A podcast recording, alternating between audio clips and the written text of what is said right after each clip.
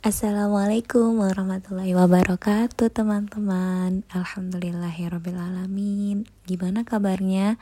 Semoga di mana pun teman-teman mendengarkan suara Nana Dalam keadaan sehat, berkah, lindungan, kebaikan dari Allah Taala. Amin ya Allah ya Rabbal Alamin. Udah lama banget nggak kayak gini. Hmm kayak gini, iya maksudnya bikin podcast dengan suara seperti ini. ya alhamdulillah insyaallah di tahun 2021 ini mau memulai lagi sharing-sharing uh, di podcast. Semoga ada manfaatnya, semoga bisa diambil pelajaran dan hikmahnya. Juga semoga bisa bikin kita sama-sama belajar makin taat sama Allah Subhanahu wa taala. Amin ya Allah ya rabbal alamin. Nah, uh, pada serial podcast terbaru ini Cila terbaru. Insya Allah Nana mau sharing tentang uh, berproses. Jadi apa yang Nana sharingin ini uh, Tentang proses yang pernah Nana alami Dan semoga uh, setelah sharing masih tetap istiqomah gitu ya. Nggak nggak selesai setelah sharing gitu tapi masih terus berlanjut dan terus istiqomah.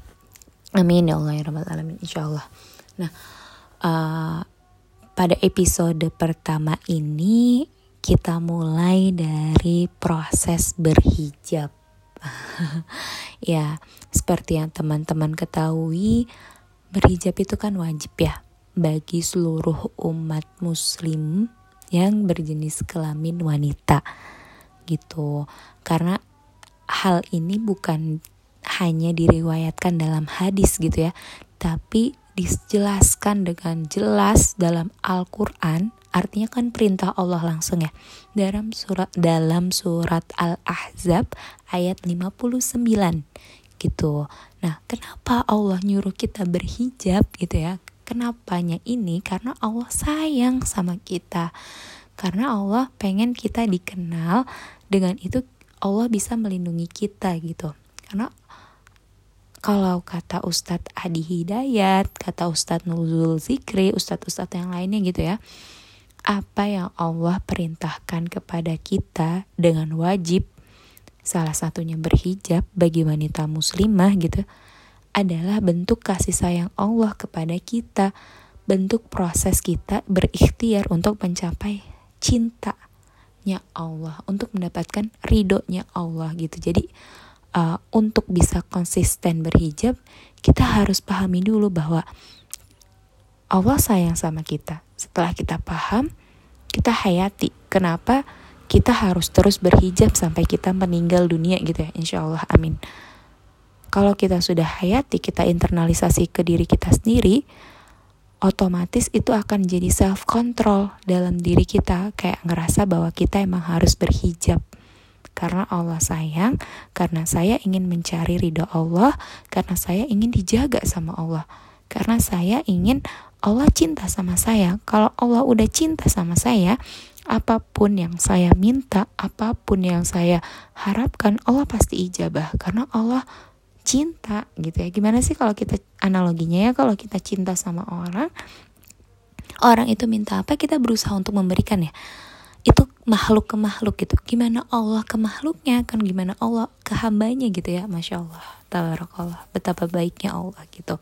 Nah pada podcast ini Nana sedikit ingin bercerita tentang proses Nana yang dulu mungkin belum berhijab terus pernah berhijab akhirnya lepas hijab terus akhirnya berhijab lagi tuh. Masya Allah banget. Jadi dulu uh, eh, SD ya Nana belum berhijab. Kayak belum puber juga kan belum ngerti. Terus tapi nggak tahu kenapa dalam diri Nana tuh Nana pengen banget berhijab. Cuma saat itu malu karena belum ada teman SD pun yang satu pun yang berhijab gitu. Kalau berhijab sendirian tuh kayak nggak enak aja masa jadi kayak pusat perhatian gitu kan.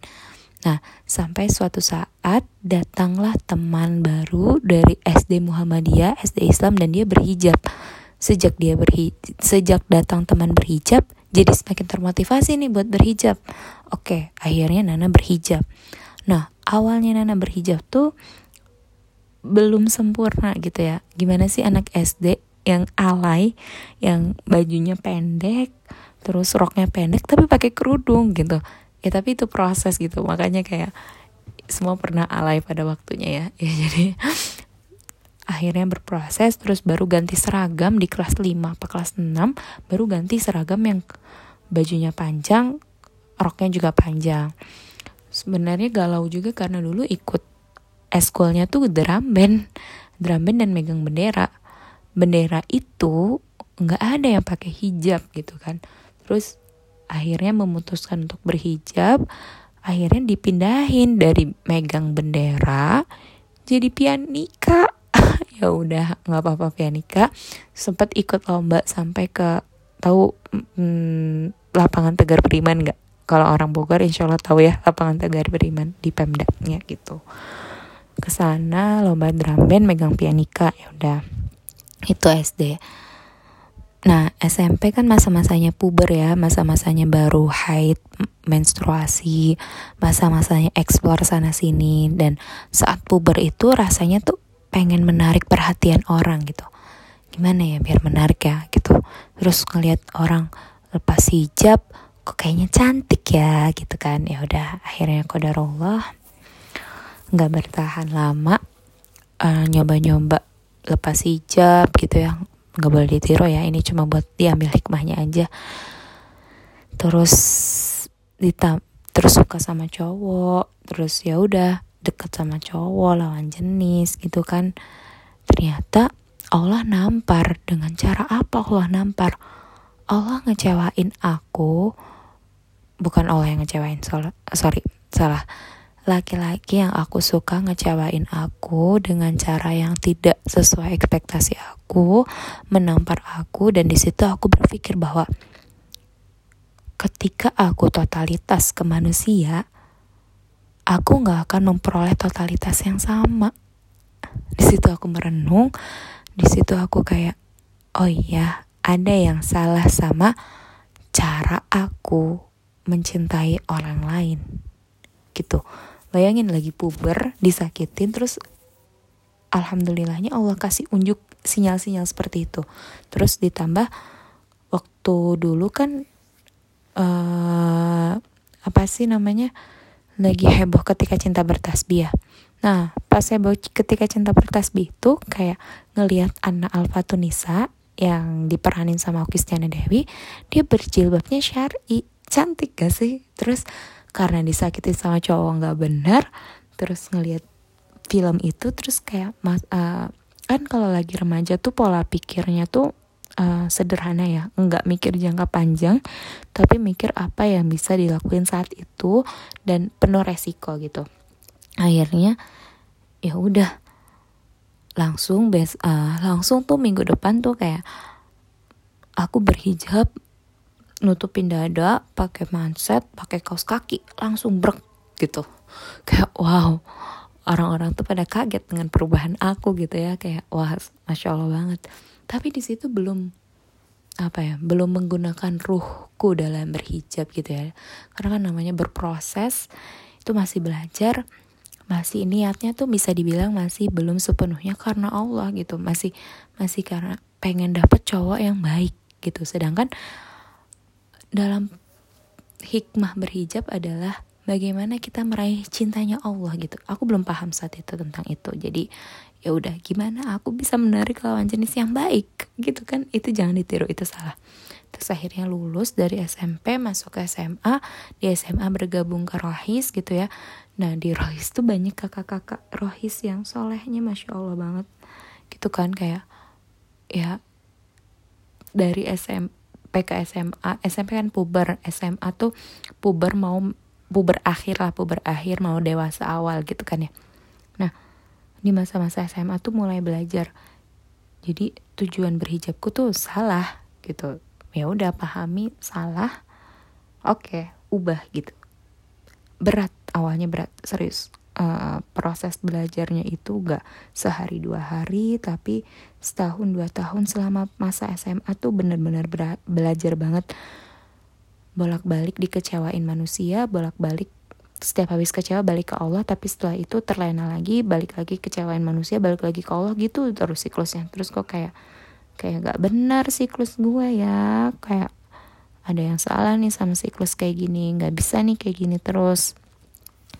Terus benar-benar mencoba untuk uh, istiqomah minta tolong ke Allah berdoa gitu ya minta tolong supaya dilurusin niatnya. Sampai sekarang juga masih terus kayak gitu gitu kan. Lurusin niatnya. Terus akhirnya alhamdulillah pas menjelang akhir UN gitu ya rasanya tuh udah nggak mikirin penilaian manusia lagi dari berhijab itu. Jadi gimana supaya Allah ridho Allah cinta ya udah gitu kan. Oke okay, uh, eh, aku ngerasa kelas 3 SMA itu masa-masa paling apa ya paling soleha aku kali ya maksudnya ibaratnya paling taatnya aku bener-bener dijaga banget dari segi lingkungannya, dijaga dari segi uh, ruhiyahnya, fisiknya gitu semuanya.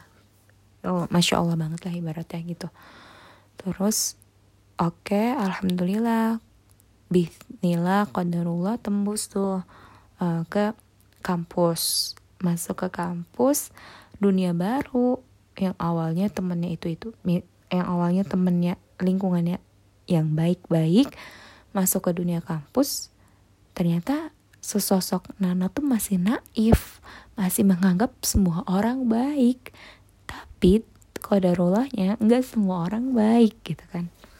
Ya udah ngerasa ngerantau bebas. Terus akhirnya yang awalnya SMA nggak sentuhan tangan sama ikhwan gitu ya nggak sentuhan tangan sama laki-laki kuliah jadi salaman lagi. Jadi ngobrol lagi sama Ikhwan laki-laki. Pergaulannya jadi kurang ada batasan. Hijabnya juga jadi sempat dinaikin lagi padahal dulu udah menutup dada gitu ya emang godaan duniawi paling berat sih masa kuliah.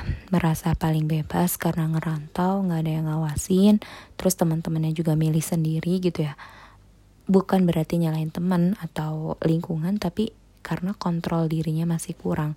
Artinya kan kalau kayak gini masih ada niat yang belok belum uh, belum lurus gitu kan. Terus ya udah belajar lagi ngaji lagi. Kayak up and downnya tuh bener-bener berasa setiap uh, masuk apa namanya Ramadan mabit mabit nangis karena aku ngerasa berdosa banget tapi setelah itu selesai berdosa lagi. Up and down up and down up and down sampai akhirnya sekarang belajar bahwa ya emang manusia itu tempatnya salah. Hargai setiap prosesnya. Proses adalah sebuah kebaikan gitu ya. Di mana ketika kita masih merespon hidayah dari Allah itu adalah suatu anugerah dari Allah rasa cintanya Allah kepada kita gitu ya semoga. Jadi ketika kita dikasih uh, sinyal hidayah kita harus langsung merespon. Pelan-pelan nangis nggak apa-apa up and down nggak apa-apa. Kita berusaha untuk istiqomah kita berusaha berikhtiar untuk meraih cintanya Allah menyerahi ridhonya Allah. Kita lu ketika kita ngerasa niat kita belok lurusin lagi kita minta tolong Allah lagi. Ya Hayyu ya Qayyum bi rahmatika astaghits wa aslih li sya'ni kullahu wa la takilni ila nafsi tarfata ainin abada. Minta tolong terus ke Allah. Minta tolong terus ke Allah. Ya Allah bantu, ya Allah bantu, ya Allah bantu gitu. La haula wa la quwata illa billahil aliyil azim. Di situ ngerasa bahwa uh, aku mulai menikmati prosesku berhijab ya pelan-pelan uh, bener-bener uh, ibaratnya taubat lagi mencoba yang benar-benar taubatan nasuha berusaha untuk menjaga uh, mulai dari kaos kaki gitu ya mulai dari hijab penutup dada gitu. Akhirnya uh, alhamdulillah masih bisa bertahan sampai sekarang dengan perjuangan yang Masya Allah banget godaan yang luar biasa sekali Subhanallah gitu ya. Bener-bener harus nguatin iman Nguatin diri, nguatin benteng gitu. Supaya bener-bener uh, di mana pun aku berada aku menegakkan Islam dalam diriku gitu. Itu luar biasa sekali masya Allah. Nah apa sih hikmah yang mau aku bagi ke teman-teman dari perjalanan proses berhijabku ini yang pertama ketika teman-teman uh, ada sinyal-sinyal hidayah dari Allah, sinyal-sinyal rasa kok kayaknya pengen berhijab ya, kok kayaknya pengen deket ke Allah ya, langsung respon. Pelajari bab hijab, hayati, renungi, kayak apa ya, kayak duh gimana ya kalau aku dicintai sama Allah gitu. Gitu kan kayak uh, husnuzan sama Allah. Pelan-pelan dimulai dari hal terkecil. Misalkan dimulai dari hari Jumat. Rutin Jumat udah udah nyaman tambah hari. Senin Rabu Jumat kayak bimbel gitu kan. Udah nyaman lagi tambah hari lagi. Seminggu udah nyaman sebulan. Udah nyaman terus terusan nyaman nyaman. Awalnya pendek coba ah menutupi dada gitu kan awal-awal coba pelan-pelan minta tolong Allah. Udah nyaman lanjutin gitu. Belajar pakai kaos kaki belajar uh, apa ya belajar menyempurnakan proses hijabnya gitu. Sambil terus ikut kajian sambil terus minta tolong ke Allah. Karena kita ini selemah-lemahnya makhluk yang bisa nolong kita cuma Allah gitu kan. Sambil terus uh, sambil terus lurusin imannya lurusin uh, hatinya gitu kan sambil uh, proses berjilbab, berhijab gitu. Sambil perbaiki akhlaknya. Jadi timbulkan rasa malu. Duh, kok aku berhijab ngelakuin hal ini ya, kayaknya nggak pantas deh. Pelan-pelan aja tinggalin, pelan-pelan berproses, nikmatin prosesnya. Emang uh, kata nikmatin proses itu terdengar klise, tapi sebenarnya kalau kita lagi berusaha menikmati proses itu cukup berat. Jadi pelan-pelan hayati, minta tolong ke Allah, kemudian pahami lagi, dengerin kajian lagi, ulang terus buat pola baru.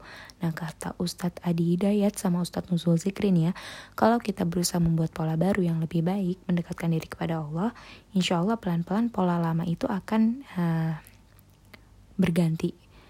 Jadi yang tadinya buruk, yang buruknya akan pelan-pelan hilang, berganti jadi baik terus dilakukan gitu Insya Allah istiqomah ya teman-teman. Semoga Allah ridho Allah berkahi segala prosesnya Allah beri kebaikan Allah beri ketaatan Allah uh, luruskan niatnya karena Allah. Semoga kita sama-sama bisa istiqomah Bisa sama-sama meninggal dalam keadaan husnul khatimah bisa bermanfaat. Alhamdulillahirobbilalamin la haula wa la quwata illa billahil azim.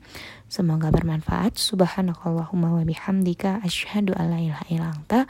Astaghfiruka wa atubu ilaik. Rabbana taqabbal minna. Wassalamu alaikum warahmatullahi wabarakatuh. Barakallahu fikum teman-teman semua. Semangat berproses menjadi lebih taat lebih taat, lebih baik, lebih solehah, lebih uh, meraih cinta dan ridho Allah Subhanahu wa taala.